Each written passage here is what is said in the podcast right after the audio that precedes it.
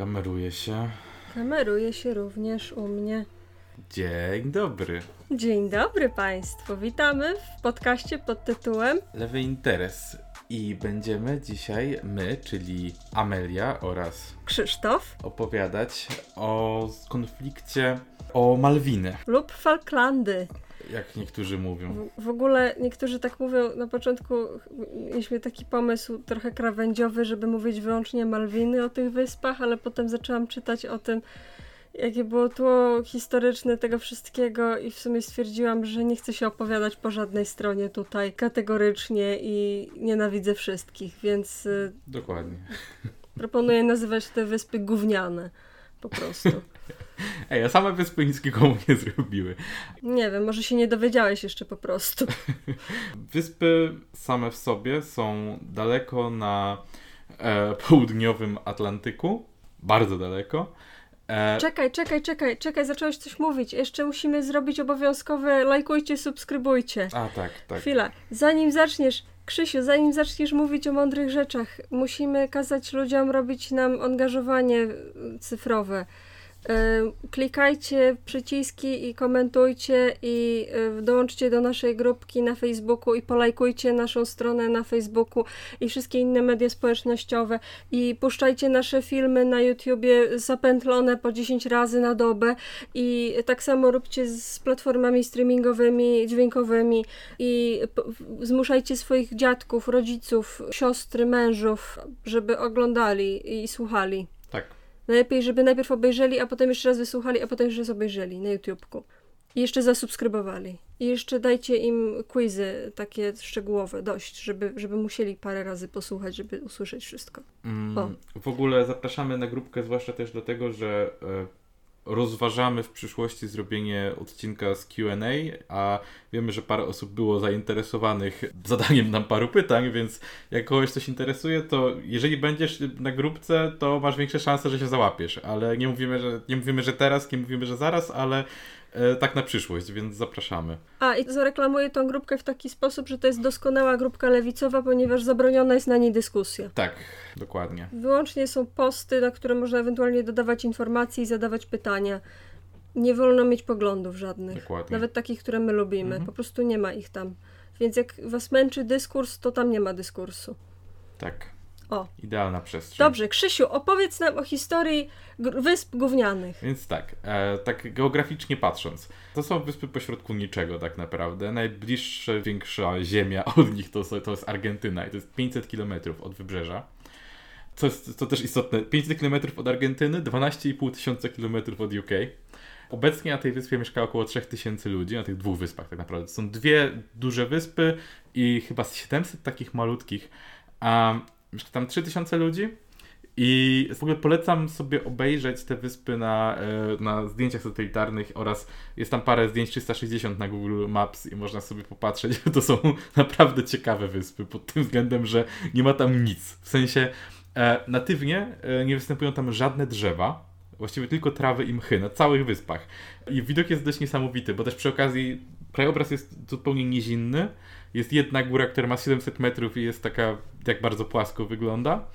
Temperatury są totalnie średnie, średnio 5 stopni od minus 3 do plus 13, czyli ani nie jest tam jakoś arktycznie zimno, ale ciepło też tam nie jest. Dodatkowo, żeby było mniej ciekawie, większość czasu są tam mgły, które sprawiają, że prawie nic nie widać. Tak więc wyspy pośrodku niczego, płaskie, e, pozbawione charakterystycznych punktów, na których nie rosną żadne drzewa, żadne większe rośliny. Właściwie głównie występują tam e, ptaki i owce, które zostały przywiezione. E, dodatkowo wśród ptaków to jest jedyny, jedyny ciekawy punkt całej tej wyspy to są pingwiny, które tam występują w dużych ilościach, dużo kolonii pingwinów i to jest właśnie fajny, jeden z powodów, dla których polecam Google Maps, to jest to, że można sobie popatrzeć na zdjęcie 360, w którym kamerzysta był otoczony przez pingwiny. E, I po prostu jest mnóstwo pingwinków. I zasadniczo jak sobie popatrzycie na zdjęcia, które stamtąd, które tam zrobiono, to są płaski teren, porośnięty mchem i trawą, ma jakaś malutka chatynka gdzieś, owce i pingwiny. I to jest wszystko, co się tam znajduje. Argentyna zaczęła sobie rościć prawa do, do Malwinów, do Falklandów, a mniej więcej w osie- 1816 roku, dlatego że to był rok, w którym oznajmili, że wszystkie terytoria na południu Atlantyku, które należały wcześniej do Hiszpanii, należą teraz do nich. Wówczas tak naprawdę nikt tam nie mieszkał, nic się tam nie działo, no ale rościli sobie do nich prawa. Znaczy, Wcześniej, przed tymi wydarzeniami, tam pojawiały się różne osady rybackie, na ogół finansowane przez e, władców europejskich, celowo, żeby tam ustanowić jakąś taką swoją obecność. Ale te, te wyspy regularnie jakby pustoszały, no bo nikt tam sam z siebie nie bardzo chciał żyć tak naprawdę. Więc tak, Brytyjczycy mieli tam swoje osady, Hiszpanie mieli tam swoje osady, przez długi czas nikogo tam tak naprawdę nie było i w 1832 roku, czyli 16 lat po tym jak e, Argentyna oznajmiła, że to są ich wyspy i w sumie nic z nimi nie zrobiono, przypłynęli tam brytyjscy żołnierze, ustanowili obecność wojskową, opuścili tę wyspę i 8 lat później Wielka Brytania powiedziała Elo to jest kolonia korony i zaczęto e, taką kolonizację przy użyciu szkockich kolonizatorów. W ogóle jeszcze y, tak ciekawostką jest to, że i Argentyna i Wielka Brytania mają kompletnie osobne w ogóle etymologie tych nazw i kompletnie osobne w ogóle legendy założycielskie o, o tym, kto w ogóle odkrył tą wyspę. Bo Brytyjczycy oczywiście twierdzą, że Brytyjczyk odkrył, a Argentyńczycy twierdzą, że Amerigo Vespucci. Czyli nawet nie sądzą, że Hiszpan, ale no chuj. Ale no, mają różne historie. Dodatkowo najprawdopodobniej te wyspy były już wcześniej odwiedzane przez, przez różnych e, ludzi, którzy płynęli w tamtych okolicach, między innymi z Ameryki Południowej, tylko że nikt tam się po prostu nie osiedlał, bo nie było po co tak naprawdę. E, nie było to zbyt, nie był to zbyt atrakcyjny kawałek terenu tak naprawdę. Ogólnie Wielka Brytania wykorzystywała wyspę jako takie uzasadnienie żądań do okolicznych wysp i w ogóle do tych terytoriów na, w okolicach bieguna południowego. I potem też używano tego do, jako taką bazę wojskową w trakcie I i II wojny światowej. Ale wciąż za dużo się tak naprawdę tam nie działo. I zaczęło dopiero na dobre wrzeć na ten temat, kiedy w 65, 1965 roku, czyli 149 lat od momentu, w którym Argentyna powiedziała, że to ich, i ponad 100 lat od kiedy Wielka Brytania powiedziała, że to ich, kiedy ONZ oznajmiło, że oni mają się po prostu dogadać, bo widziano w tym duże zagrożenie dla handlu między, głównie między UK a Argentyną, ale w ogóle między handlem między Europą a Ameryką Południową, bo to był taki punkt potencjalnie zapalny, który trochę utrudniał kontakty. I tak naprawdę no, pierwsze było po prostu rozkaz dogadajcie się i, i najlepsze było to, że właśnie biuro do spraw zewnętrznych Wielkiej Brytanii oznajmiło, że w sumie oni mogą oddać Argentynie te wyspy, dlatego że no to nie było, nie było szczególnie profitujące w tamtym czasie już. Nic, nic z tego się tak naprawdę nie można było uzyskać a robiło to, poważny problem w handlu. Ale pojawiły się ruchy przeciwko temu, między innymi dlatego, że sami mieszkańcy wyspy to byli właśnie mm, głównie e, pochodzenia szkockiego ludzie, którzy no, nie, nie czuli się w ogóle Argentyńczykami i nie podobało im się to, no i wykorzystano ich, powiedzmy, sentymenty probrytyjskie do przeciwstawienia się tej opinii.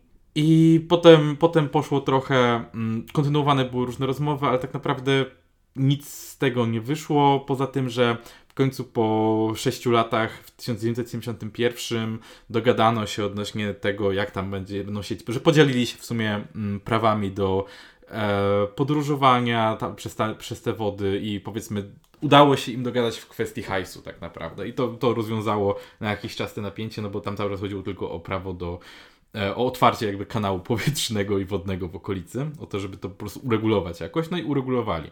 Tak, w 1980 roku w ramach mm, takiego ustanowienia jakiejś jeszcze długotrwałej, konkretnej sytuacji z tymi wyspami, minister do spraw zewnętrznych, zagranicznych dla Wielkiej Brytanii chciał zaoferować taką, taki układ Argentynie, że sprzedadzą im te wyspy, ale Argentyna w zamian e, im je da w leasing. Sytuacja troszkę podobna do tego, co robili w Chinach tak naprawdę Europejczycy, w sensie na wybrzeżu Chin. I e, problem był taki, że to była właściwie od początku teraz skazana na porażkę sytuacja, dlatego że Argentyna się zgadzała na maksymalnie 10 lat taki, takiego wynajęcia tych wysp do Wielkiej Brytanii, a Brytania chciała na 99 lat, czyli w sumie na.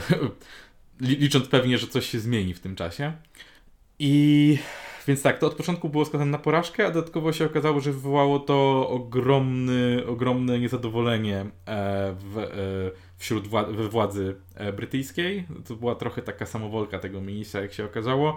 Uważano to za w ogóle oddanie istotnego terenu, zupełnie, że to jest takie wyprzedanie do, dóbr kraju. E, i, I wtedy właśnie e, zostało odnotowane, że sam ten właśnie minister podczas spotkania już nie z parlamentem, ale z Radą, podczas prywatnego przesłuchania powiedział, że jeśli czegoś nie zrobimy, to Argentyna nas najedzie, a nie możemy zrobić nic. E, więc najprawdopodobniej on już wtedy wietrzył, że sytuacja robi się trochę niedobra. Tutaj może przejdźmy na chwilę, dlaczego sytuacja zaczęła się robić niedobra. Co się działo w Argentynie w tym czasie? E, I co się działo w Wielkiej Brytanii również w tym czasie. Chciałbym, żebyśmy teraz, okay. zanim przejdziemy do mięska, dostaniemy trochę ziemniaczków, nie? Dobrze. Wege mięsko. E, tak, więc e, no może dla kogoś to są ziemniaczki, a może dla kogoś to jest mięsko. Dobra, to zacznijmy od tego, co się odpieprzało w Argentynie przez te kilkadziesiąt lat przed tym konfliktem w ogóle, jakie było tło. I musimy zacząć od tego, kim był i co robił Juan Perón. Jest, jest taka słynna anegdota o tym, jak Perón udzielał wywiadu reporterowi zagranicznemu i reporter go zapytał, jakie poparcie mają w Argentynie lewica, centrum i prawica. I powiedział, no lewica to tak z 33%, e, centrum też z 33% i prawica no też 33% a reporter go zapytał, ale to w takim razie kto jest peronistą? Peronistami są wszyscy. Mm. I to jest... Y, prezydent każdego Argentyńczyka. Tak, prezydent wszystkich Argentyńczyków i jest tym coś bardzo prawdziwego pod tym względem, że peronizm to był radykalny centryzm. Powiedziałabym, że mottem przewodnim peronizmu było dajcie mi grillować goddammit. to było idealne połączenie absolutnie wszystkiego. Chyba najbardziej syn synkretyczny w ogóle ruch polityczny, który się przyjął, jaki w ogóle jestem w stanie sobie wyobrazić. Taki socjaliberalizm połączony z faszyzmem i socjalizmem. E, tak, on był jednocześnie, jak się kumplował z Che Guevarą, i z Franco. I ze Stanami, nie? Też przy okazji. O tak, ze, sta ze Stanami mniej, bo ze Stanami była taka sytuacja, to, to mówimy, o, było dwóch peronów tak naprawdę. Był peron przed pierwszym puczem i po pierwszym puczu. No to było tak, że on był najpierw od 46 roku do 55, służył dwie kadencje, e, normalnie jako prezydent wybrany i miał właśnie taką politykę, że z jednej strony był bardzo interwencjonistyczny i dużo, e, i, i dużo miał jakby protekcjonistyczną politykę gospodarczą, ale też z drugiej strony po wojnie wpłynęło im dużo takiego gówno kapitału, trochę jak u nas, że w rodzaju zalały ich towary, ze tanie towary ze Stanów Zjednoczonych, które nie byli w stanie sami wyprodukować i po tym jak Stany się ogarnęły, że Argentyna dobrze sobie radzi, rozwija się, ma dobre programy społeczne, e, eksportuje swoje zboża i może być konkurentem, USA zerwało wszelką współpracę, na pewien czas e, cofnęło e, pomoc, cofnę, wprowadziła embargo, wycofała argentyńskie zboża z e, planu Marszala i już się skończyła miła zabawa z Peronem. Więc w tym okresie Peron był powiedzmy centrowy pod tym względem, że był bardzo duży rozstrzał tak naprawdę w tym, jak kto go oceniał. Jak ktoś był inteligentem głównie z klasy średniej albo z klasy wyższej, to zazwyczaj był przeciw, ale z drugiej strony biedni ludzie zazwyczaj go lubili, bo oferował dla nich zauważalną poprawę w jakości życia. E, między innymi on tak naprawdę stworzył system emerytalny. Płace ro robotników, takich zwykłych, bardzo skoczyły w, w czasie jego rządów. Mm, natomiast też bardzo skoczyła inflacja. Więc to nie jest tak, że stworzył jakąś super silną gospodarkę, bo ona cały czas się trochę chwiała i była pod atakiem Stanów Zjednoczonych między innymi. Ale jeszcze jedna rzecz, którą muszę tutaj powiedzieć. Peron miał trzy żony. Pierwsza nie ma znaczenia. Druga to była Evita. Evita z biedoty pochodziła, była właśnie pochodzenia takiego robotniczego i bardzo się angażowała w społeczne programy. Dlatego była widziana jako takie PR-owe skrzydło perona i peronizmu. No, nazwali ją świętą w ogóle, nie? Tacy w, w propagandzie. Też. Też świętą była po prostu e, takim uniwersalnym symbolem przemian. Uniwersalnym symbolem, który dawał bardzo dużo poparcia Peronowi. Po jej śmierci poparcie dla niego bardzo wyraźnie zmalało. E, I też jakby mówiąc o o tym, że Peron był we wszystkich ćwiartkach kompasu politycznego, to był też w fioletowej ćwiartce, ponieważ po śmierci Ewity miał, daję tutaj 15 cudzysłów, kochankę, która miała 15 lat.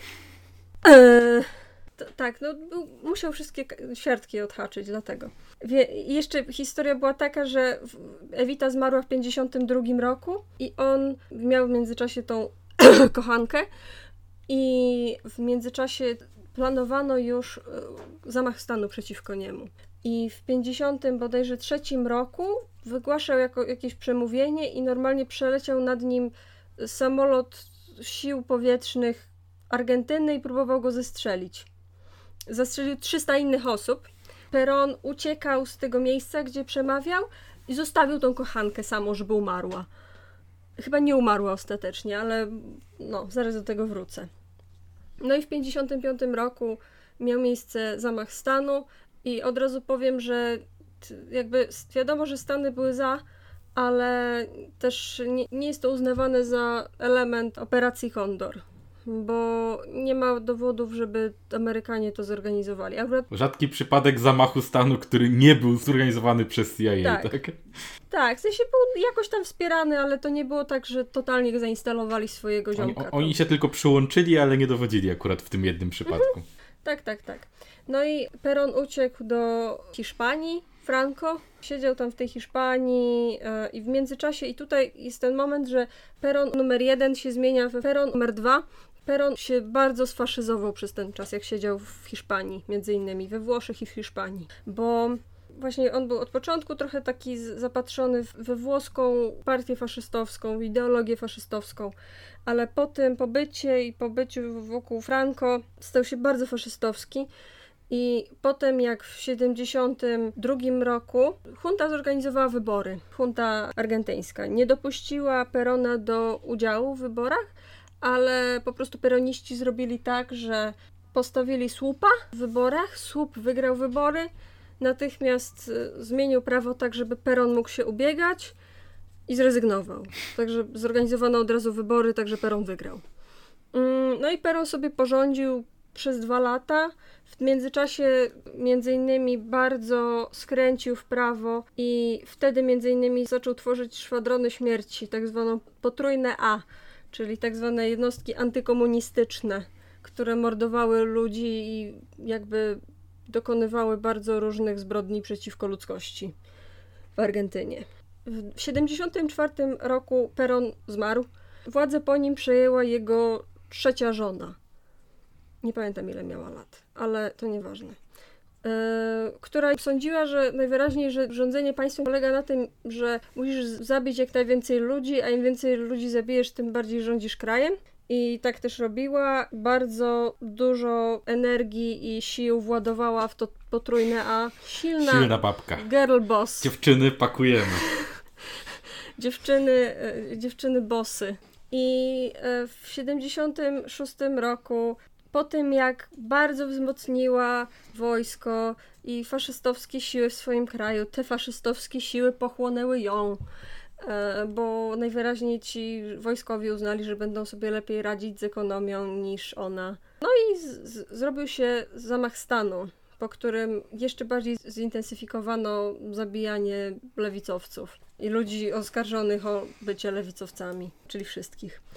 Okej, okay, taki jest rys w tym miejscu mniej więcej jesteśmy, kiedy zaczyna się tak naprawdę ten konflikt o Falklandy, że mamy po jednej stronie huntę faszystowską, ludzi, którzy chcą pozyskać swoją opinię publiczną, chcą przeciągnąć głównie głównie warstwy biedniejsze na swoją stronę za pomocą jakichś tam zagrywek propagandowych. Teraz z drugiej strony mamy Wielką Brytanię, Proszę, umieść tutaj jakiś drop. Mogą być dudy. Dudy, o Jezu, tak, dudy.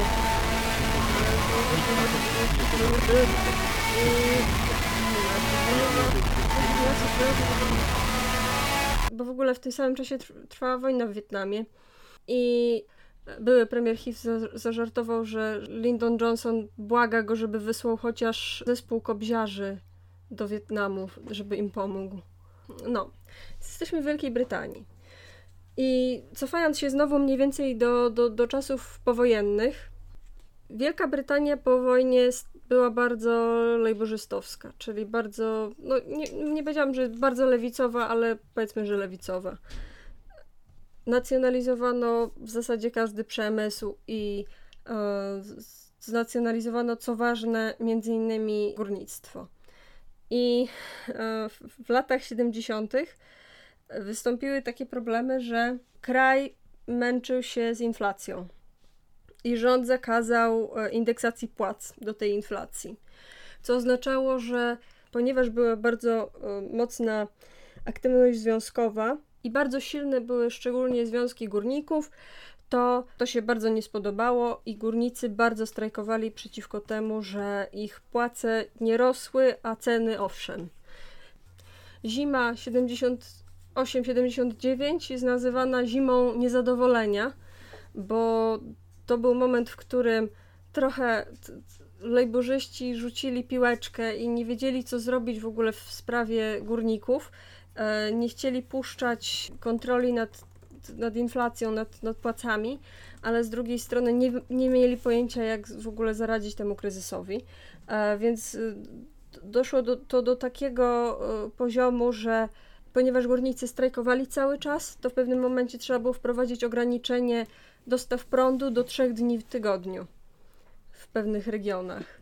W tym czasie był taki um, był taki y, problem, że jakby narastały strajki górników i trochę było to widziane z jednej strony, że ich żądania nie są spełniane, a z drugiej strony, że są w stanie sparaliżować kraj.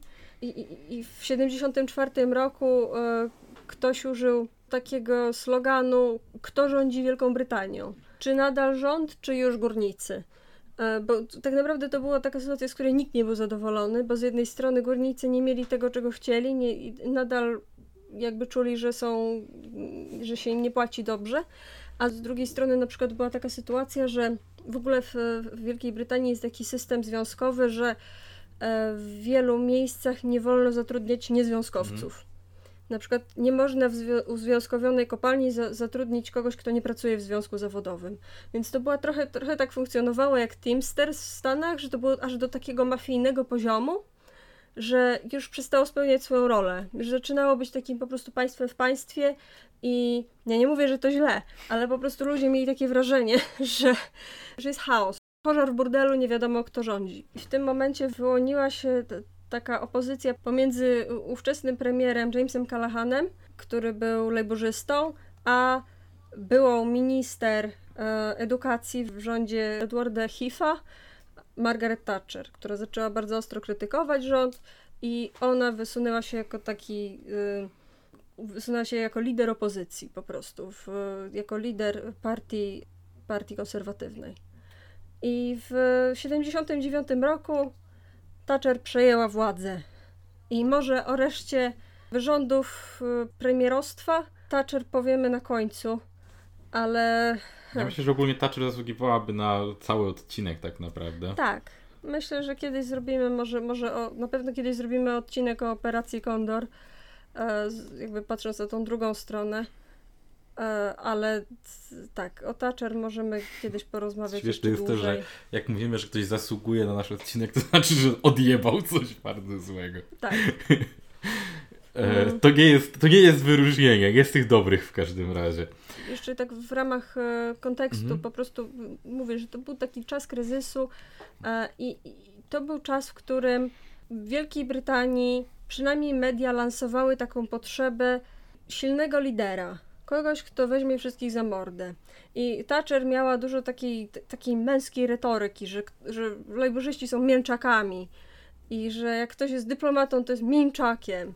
I to jest postawa, która wróci, jakby jeśli, będzie widoczna w taktykach stosowanych podczas wojny o Falklandy, bądź Malwiny, bądź Wyspy Gówniane. Tak, chociaż trzeba zwrócić uwagę, że mm, akurat w samym jakby w 82 już akurat sympatia do Thatcher e, malała tak naprawdę i na początku 82 e, wyglądało na to, że powoli na ich niekorzyść tak naprawdę układa się opinia publiczna, ale wrócimy zaraz do tego, dlaczego ten trend się nie utrzymał.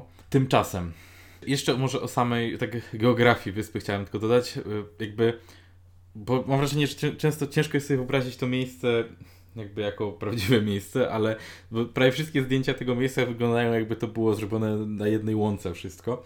Tymczasem ta wyspa rozpina się na, to właściwie te wyspy rozpinają się na ponad 230 km. To jest naprawdę duży teren.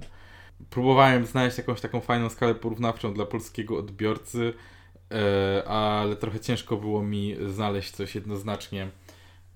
No ale to, to, to się roz, rozciąga jak powiedzmy jest większe niż przeciętne polskie województwo, jak sobie popatrzymy na ten obszar. Więc to jest, to jest sporo, sporo ziemi, ale jednocześnie e, skala tego konfliktu jest dość dziwna tak naprawdę, jak sobie pomyślimy o tym, o, o co tak naprawdę walczyli. I e, na start chciałem zacytować argentyńskiego pisarza Jorge Luisa Borgesa, który opisał tę wojnę jako walkę dwóch łysych facetów o grzebień, e, co bardzo mi się spodobało. Jeszcze tak dla skali, w 1980 roku na Malwinach mieszkało 1850 osób. W wojnie e, w ciągu dwóch miesięcy, tak naprawdę, trochę ponad dwóch miesięcy, zginęło 914 żołnierzy i personelu, e, trzy mieszkanki wyspy dodatkowo zabite przypadkowo przez żołnierzy UK, więc Friendly Fire rannych zostało ponad 2000, z samej Argentyny 1657 osób. A więc prawie tyle osób zostało rannych w samej Argentyny w trakcie walk o tę wyspę, co mieszkało na tej wyspie i tylu żołnierzy i personelu zginęło, co połowa wszystkich mieszkańców tych wysp.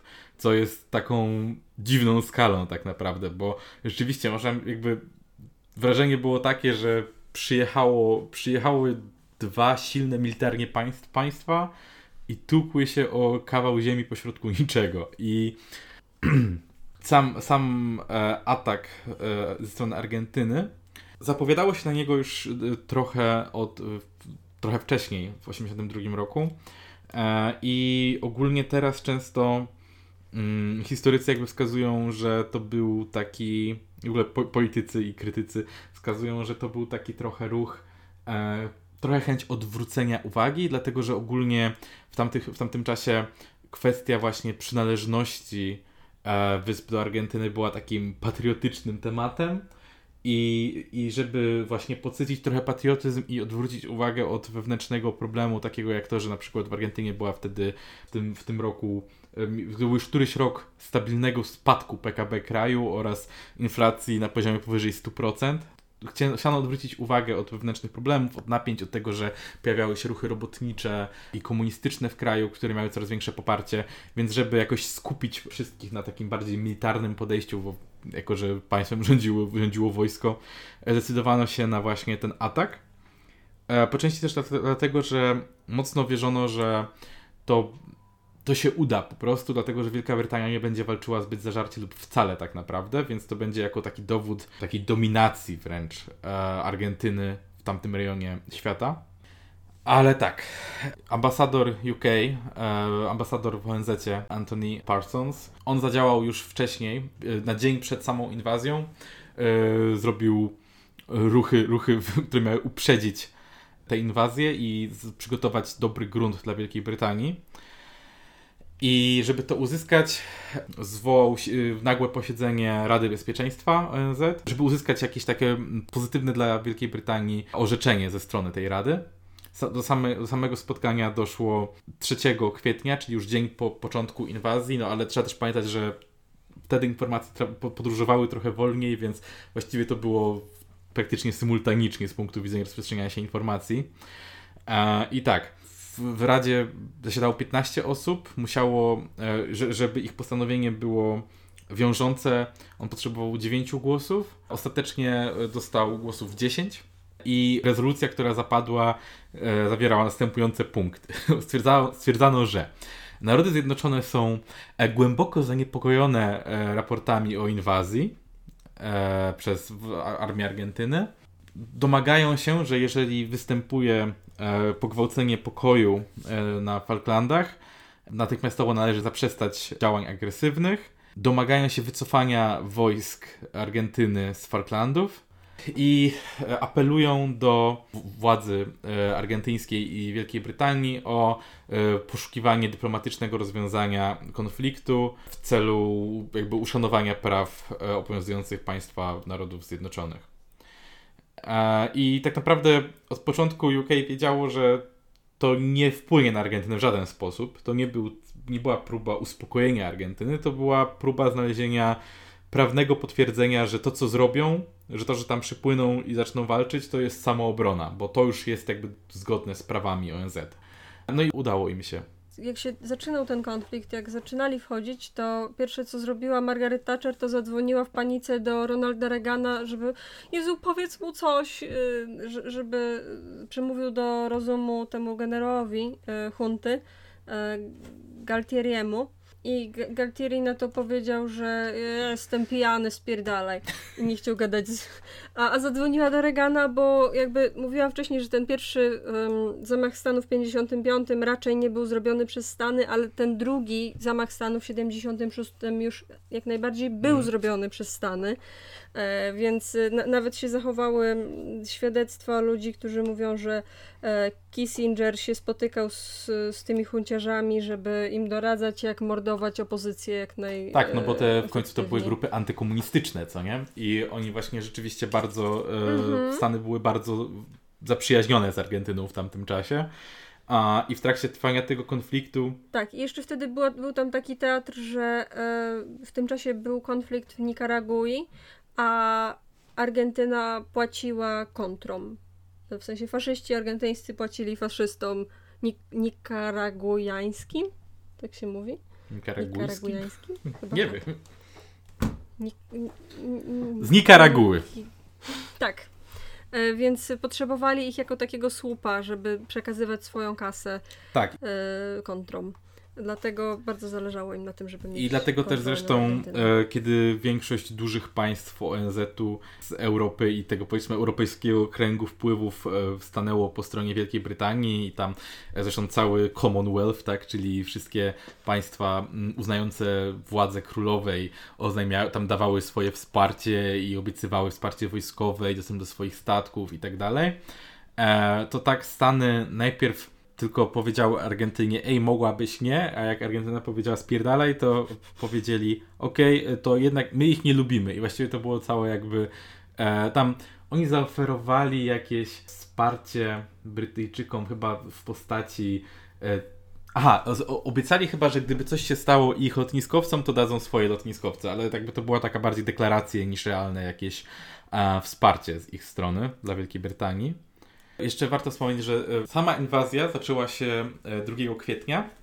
Argentyna wylądowała na Falklandach, e, ale 19 marca w, Georgii Południowej, która była również smętną wysepką jeszcze, jeszcze bardziej na południowy wschód, tam wydarzyła się dość nietypowa sytuacja, bo tak, to, była, to było również terytorium, no Argentyna uważała, że ich, ale władzy Wielkiej Brytanii, ale niby cywilny statek zajmujący się zbieraniem złomu wylądował tam i e, powiesili argentyńską flagę.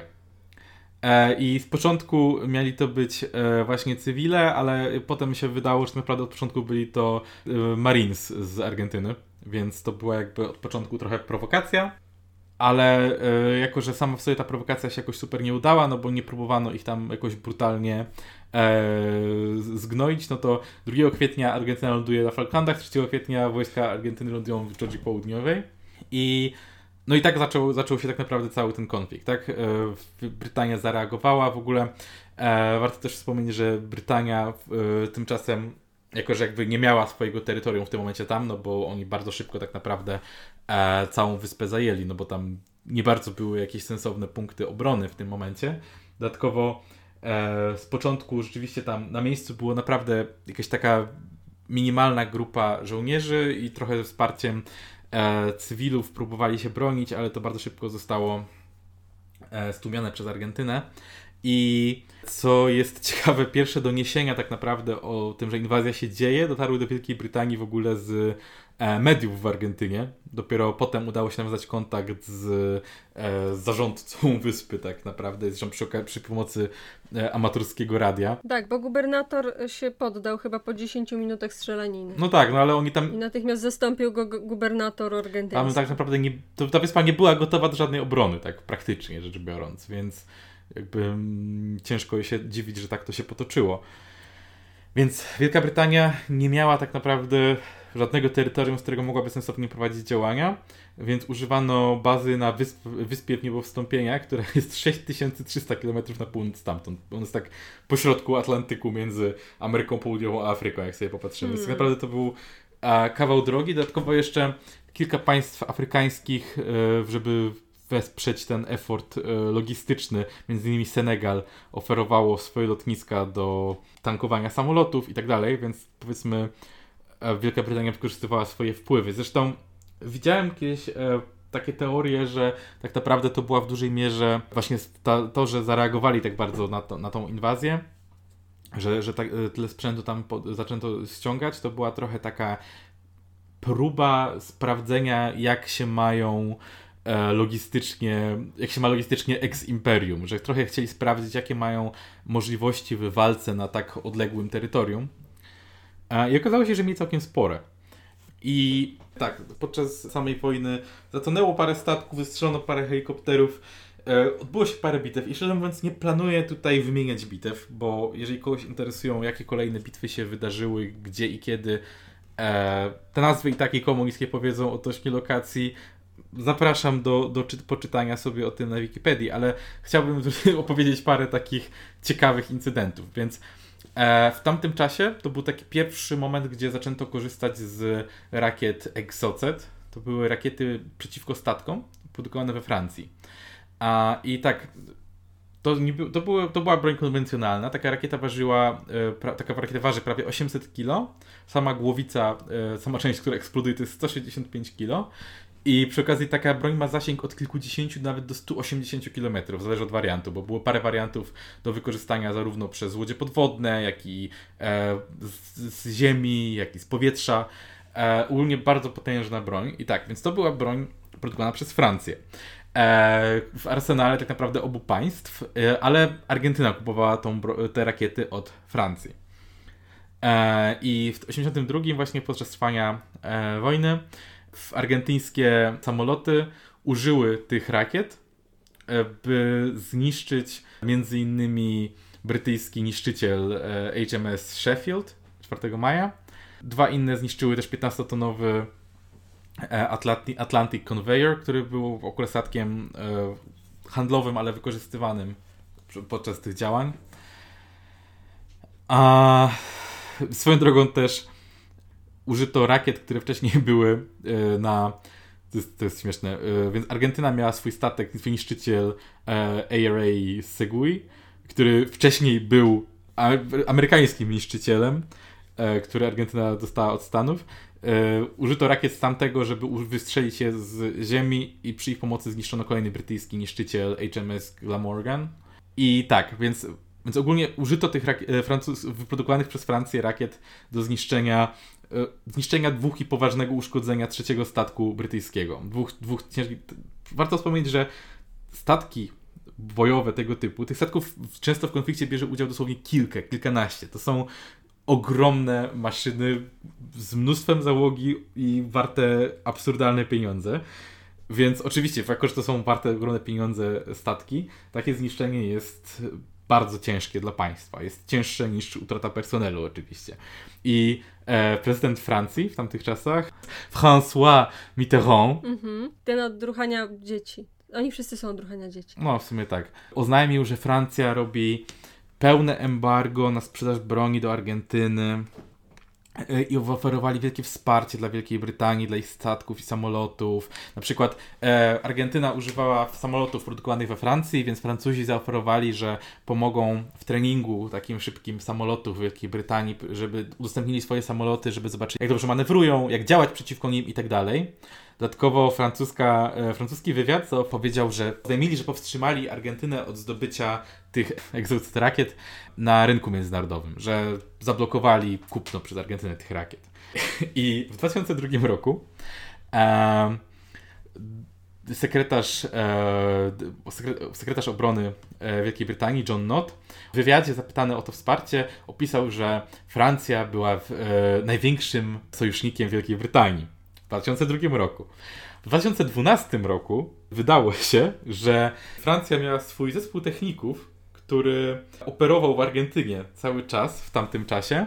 Był przed wojną, pozostał w trakcie wojny i oferował wsparcie techniczne w obsłudze rakiet Exocet cały czas. Hmm. I e, według raportów to wsparcie miało ogromne znaczenie dla Argentyny. Wszyscy oczywiście w, w, w, e, odpowiedzialni za funkcjonowanie tego zespołu tłumaczyli, że albo nie mieli o tym pojęcia, albo mieli o tym pojęcie, ale wierzyli, że, te, że ten zespół e, nie robił nic znaczącego, chociaż operował dokładnie. Przy... Francja też uprawiała radykalny centrum. Tak, ale taki bardzo bezpośredni, bo dosłownie. Też pozwolili jej grillować. dosłownie e, uzbroili Argentynę, a potem udając, że e, odcięli się od nich, tak naprawdę cały czas pomagali im obsługiwać rakiety, których użyto do zniszczenia dwóch i pół statku Wielkiej Brytanii. E, więc tak. Nawet francuski operator wywiadu gdzieś się potem wypowiadał e, półanonimowo, jak to e, on wiedział cały czas, że ten team tam jest, ale oni tam byli tak naprawdę jako szpiedzy i mieli zdobywać wywiad dla nich. Chociaż nie, uda, nie, uda, nie da się stwierdzić, jakikolwiek wywiad uzyskali realnie dla Francji, a za to da się stwierdzić, że pomogli używać rakiet do zniszczenia brytyjskich statków.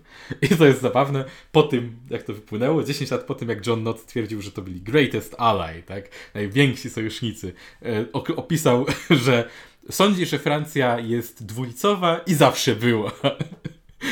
No bo zawsze była, do, do, dosłownie tysiąc lat historii Normanów i Brytonów to jest po prostu dźganie się w plecy miliardem małych nożyków. Uwielbiam to, że tak, 82 y, Francuzi robią pozorowane ruchy sojusznicze, jednocześnie wspierając atak na ich statki. 2002 Francja to nasi najwięksi sojusznicy, 2012 dwójcowi i zawsze tacy byli. Jest ten sam facet, co mnie bardzo tutaj bawi w tym wszystkim. Warto też wspomnieć, że Argentyna dostała wsparcie m.in. od Kaddafiego z Libii. Dał im dostęp do broni. Co ciekawe, też część wsparcia e, jakby od strony logistycznej, która płynęła do Argentyny, była e, zapewniona przez Związek Radziecki ale Związek Radziecki akurat trzymał się tutaj mocno no, z boku, no bo tak naprawdę nie mieli za bardzo sympatii do Argentyny. Tutaj raczej była kwestia tego, że jeszcze mniej sympatii mieli do Wielkiej Brytanii. Nie mieli sympatii i jeszcze, jeszcze problem był taki, że cały czas Reagan miał z tyłu głowy, że jak będzie za bardzo cisnął przeciwko Argentynie, to ona się zwróci w kierunku y, Związku Radzieckiego. Mm. Zawsze oni tak balansowali trochę, że zawsze była ta groźba, że być może Sowieci też sobie zdawali z tego sprawę, że jak się za bardzo sprzymierzą, E, z Argentyną publicznie, to zwrócą uwagę USA i tak naprawdę zaszkodzą Argentynie przez to. Bo wtedy USA się włączy do, do konfliktu. Mhm. I więc, więc w sumie mm, tak naprawdę Związek Radziecki się głównie ograniczył do drobnego wsparcia logistycznego i do tego, że też w mediach ogólnie Związku Radzieckiego i krajów z ich strefy wpływów bardzo mocno krytykowano Wielką Brytanię i USA przy okazji. E, wiadomo też, że zapewnili Argentynie trochę e, informacji wywiadowczych odnośnie e, lokalizacji statków, ale nie wiadomo do końca w jakim stopniu to było istotne. Mhm. Jedna rzecz, która jest tutaj ważna i uważam, że trzeba o niej wspomnieć, to jest ten moment, w którym 2 maja brytyjski okręt podwodny zatop, zatopił e, krążownik General Bergano. Mhm. To zabiło 321 marynarzy argentyńskich. I to było z wyraźnego rozkazu Margaret Thatcher, która chciała mieć taki, t- taką jedną eskalację, e, żeby po prostu dać komuś w pierdol i powiedzieć, a przekaż kolegom. Ona kiedyś e, mówiła o, o, o tej sytuacji, że e, ktoś wspominał w anegdotach o, o tym, że jakiś minister e, powiedział, że taka eskalacja sił być może się spotka z krytyką zagraniczną. Na to Margaret Thatcher powiedziała, że jeśli ma dojść do eskalacji, to lepiej, żebyśmy my zaczęli. No genialne, genialna logika. Oficjalnym powodem było to, że jakby przekroczyli granicę strefy ochronnej, którą ogłosili Brytyjczycy, ale to było 200 mil, no dajcie kurde spokój. Mieli, mieli jeszcze jakiś tam, mieli jakiś dystans mm. do tych wysp. tak, 14 czerwca po, po kolejnej przegranej bitwie tak naprawdę Argentyna się poddała, wycofała z wysp, e, ale warto wspomnieć, że jakby ogłoszono koniec konfliktu w pewnym sensie, chociaż warto też wspomnieć, że żadne z państw nie, nigdy nie uznało tego konfliktu za wojnę. O tym się mówi, że to jest wojna o Falklandy, ale tak naprawdę to nigdy nie była wojna, między innymi ze strony brytyjskiej, dlatego że e, do wypowiedzenia wojny potrzebna jest e, bezpośrednia zgoda króla lub królowej, a tego nie było w tym przypadku zapewnionego. Więc oba, oba państwa ogłosiły, że to była strefa wojny, ale żadne nie miało oficjalnie wojny z drugim. E, nie wypowiedziało wojny. Tak, i e, więc Argentyna poddaje się, chociaż nigdy nie zrzeka się tak naprawdę roszczeń do wysp. Dalej uważa, że to są ich wyspy, tylko bezprawnie trzymane przez Wielką Brytanię. Warto, warto teraz tak się, chciałem się przyjrzeć e, tym następstwom tej wojny. Więc e, co jest, co się uważa za takie dość istotne po stronie Argentyny, to jest to, że właśnie podczas konfliktu całego praktycznie całe, wszystkie państwa Ameryki Południowej wspierały Argentynę poza Chile. E, Chile od początku wspierało Wielką Brytanię przeciwko Argentynie i bo od dłuższego czasu mieli tak naprawdę trwający konflikt, e, no, dysputę terytorialną o, w kwestii ich granicy. I... Tak, i w ogóle jeszcze za Allende, Allende się trzymał na dystans od faszystów y, argentyńskich, bo, bo byli faszystami. E, po, po obaleniu, po obaleniu po Allende i dojściu do władzy Pinocheta, wtedy rzeczywiście jakby trochę wymiar się zmienił na ten mhm. terytorialny. Więc ogólnie mieli dużo, mieli, mieli, mieli powiedzmy wiszący w powietrzu konflikt, e, co zresztą też sprawiło, że Argentyna właśnie część swoich oddziałów cały czas podczas, e, podczas wojny o Falklandy trzymało na granicy tam, bo nigdy nie wiedzieli, czy Chile nie zdecyduje się skorzystać z okazji i zaatakować. E, więc cały czas wisiała po powietrzu wojna, ale po tej porażce na Falklandach stało się jasne, że do niej raczej nie dojdzie. E, w każdym razie nie dojdzie ze strony Argentyny. I co ciekawe, uważa się, że tak naprawdę ta porażka była przyczyną do upadku w pewnym sensie władzy, bo już jak, właśnie jak mówiłem wcześniej, kryzys gospodarczy i też zmęczenie e, właśnie dyktaturą dawało się we znaki państwu. Ta, ta zagarnięcie Falklandów miało być takim wręcz symbolicznym wskazaniem na moc państwa, a jako, że kończyło się to stromotną porażką, no, efekt był przeciwny do zamierzonego, spadło totalnie poparcie dla władzy i w 1983 roku doszło do pierwszych e, generalnych wyborów od 1973 roku, więc po 10 latach w końcu mieli wybory. Spadł, właśnie też w wyniku tego konfliktu się uważa, że spadło bardzo takie społeczne poparcie dla armii, bo wcześniej bardzo starano się materiałach propagandowych pokazywać, że właśnie armia to jest taki trzon narodu, to jest taka siła moralna i fizyczna kraju, a potem bardzo, bardzo spadła ta percepcja, przez to też właśnie władze armii stały się jeszcze bardziej, traciły jeszcze więcej poparcia i to też doprowadziło do tego, że zaczął się pojawiać taki wyraźnie, taka wyraźna demokratyzacja w społeczeństwie, bo po prostu ludzie przestali się tak bardzo bać, powiedzmy, i szanować e, wojsko. To był taki silny cios wizerunkowy. Tak, i zaraz po w, właściwie w bardzo e, bezpośrednim e, następstwie wojny ustąp, musiał ustąpić generał Galtieri. I po tym nastąpiła dość szybka mhm. demokratyzacja życia w kraju. Czyli tak naprawdę zrobił im to tak zły PR, że się zesrali i wycofali w pewnym sensie. Nikt nie chciał. Co najważniejsze było to, że jakby stracił przez to sojuszników, bo jeszcze jakby nawet ludziom się nie podobały te rządy, ale Stanom się podobały, to wtedy by byli tam nadal najprawdopodobniej. Ale ponieważ Stany stwierdziły, że jednak to są chyba wariaci i chyba jednak nie chcą być po ich stronie, to odstraszyli znaczy, swój myślę, jedyny aset nawet bardziej niż fakt przed tym, że to są wariaci, to był strach przed tym, że dalsze ich popieranie zepsułoby im kontakty z większością Europy i tak dalej. I to pewnie też sprawiło, że musieli, Stany musiały w końcu wybrać jakąś stronę i nie opłacało im się być po stronie faszystów, nie? Wyjątkowo. Bo tak długo jak Stany się kolegowały z faszystami w Ameryce Południowej, co nie dotyczyło Europy, wszystko było w porządku, ale w momencie, w którym stało się to konfliktem między tymi faszystami z Ameryki Południowej a Europą, to trzeba było zająć jakąś stronę i wybrali Europę po prostu. Tak, tak ja to widzę w każdym razie. Mm. E, no, e, takim ciekawym też następstwem e, społecznym w Argentynie jest to, że w wyniku tego konfliktu zabroniono w radiu puszczać muzyki po angielsku i wtedy za, zaobserwowano ogromny wzrost e, rockowych zespołów. Po, pojawiło się mnóstwo nowych rockowych zespołów w Argentynie, więc to jest takie niespodziewane następstwo tego konfliktu. E, pojawiła się argentyńska muzyka rockowa w rezultacie tego. Tymczasem w Wielkiej Brytanii nie było już tak kolorowo, bo było, ca cały ten sukces przełożył się na drastyczny wzrost popularności Margaret Thatcher i ogólnie konserwa partii konserwatywnej. To przełożyło się z kolei na tym, że w następnym roku, jak były wybory, to konserwatyści wygrali ogromną przewagą, chociaż przed konfliktem zapowiadało się na to, że mogą przegrać.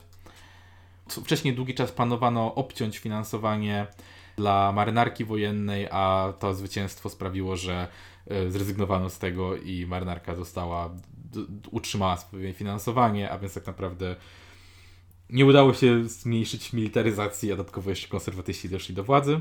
Dodatkowo dla samych mieszkańców wysp e, skończyło się to stosunkowo pozytywnie.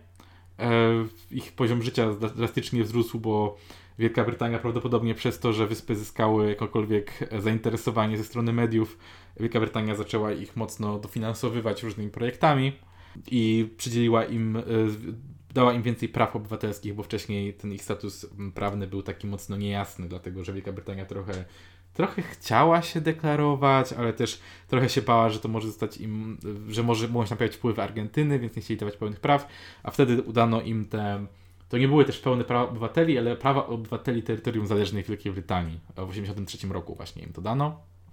W 1985 też wprowadzono konstytucję, która dała trochę więcej e, mocy e, takiej do, do rządzenia sobą e, wyspie, więc w pewnym sensie wyszło to na korzyść samej wyspy. I szczerze mówiąc, to jest w sumie tyle, co chciałem opowiedzieć e, o, o, o tym konflikcie, a właściwie o jego otoczeniu i następstwach. Mhm. Chcesz jeszcze coś dodać? Chcę dodać, że e, jebać Margaret Thatcher. Tak, to prawda. I e, jedyne, jedyna pozytywna rzecz, którą zrobiła Margaret Thatcher, to jest ustanowienie pierwszej... Myślałam, że chcesz powiedzieć, chcesz, myślałam, że powiesz, że jedyną pozytywną rzeczą jest to, że umarła. Nie, nie, właśnie chcę powiedzieć o tym, że Margaret Thatcher świadczyła wielką przysługę w walce e, z między innymi transfobią, bo ustanowiła pierwszy e, uniseksowy publiczny kibel w momencie swojej śmierci, ponieważ na jej grób mogą sikać ludzie wszystkich płci. O, prawdziwa sojuszniczka. Tak, tak, bardzo, bardzo odważna. Piękne. Chciałabym tylko dodać, że y, przyciski klikać i y, możecie spróbować zadzwonić do kancelarii Trybunału Konstytucyjnego i y, nakrzyczeć na kogokolwiek, kto odbierze telefon, że mają nie, nie zabraniać aborcji. Tak, możecie to w Polsce, zrobić. Bo to jest łamanie praw człowieka. Mm, tak, możecie posłuchać naszego poprzedniego odcinka, posłuchać o tym, dlaczego to jest skurwyseństwo, co się teraz odpierdala w tym kraju. Nienawidzę tego kraju. Dobra. E, dziękujemy Państwu bardzo. Dziękujemy. pa. pa. pa.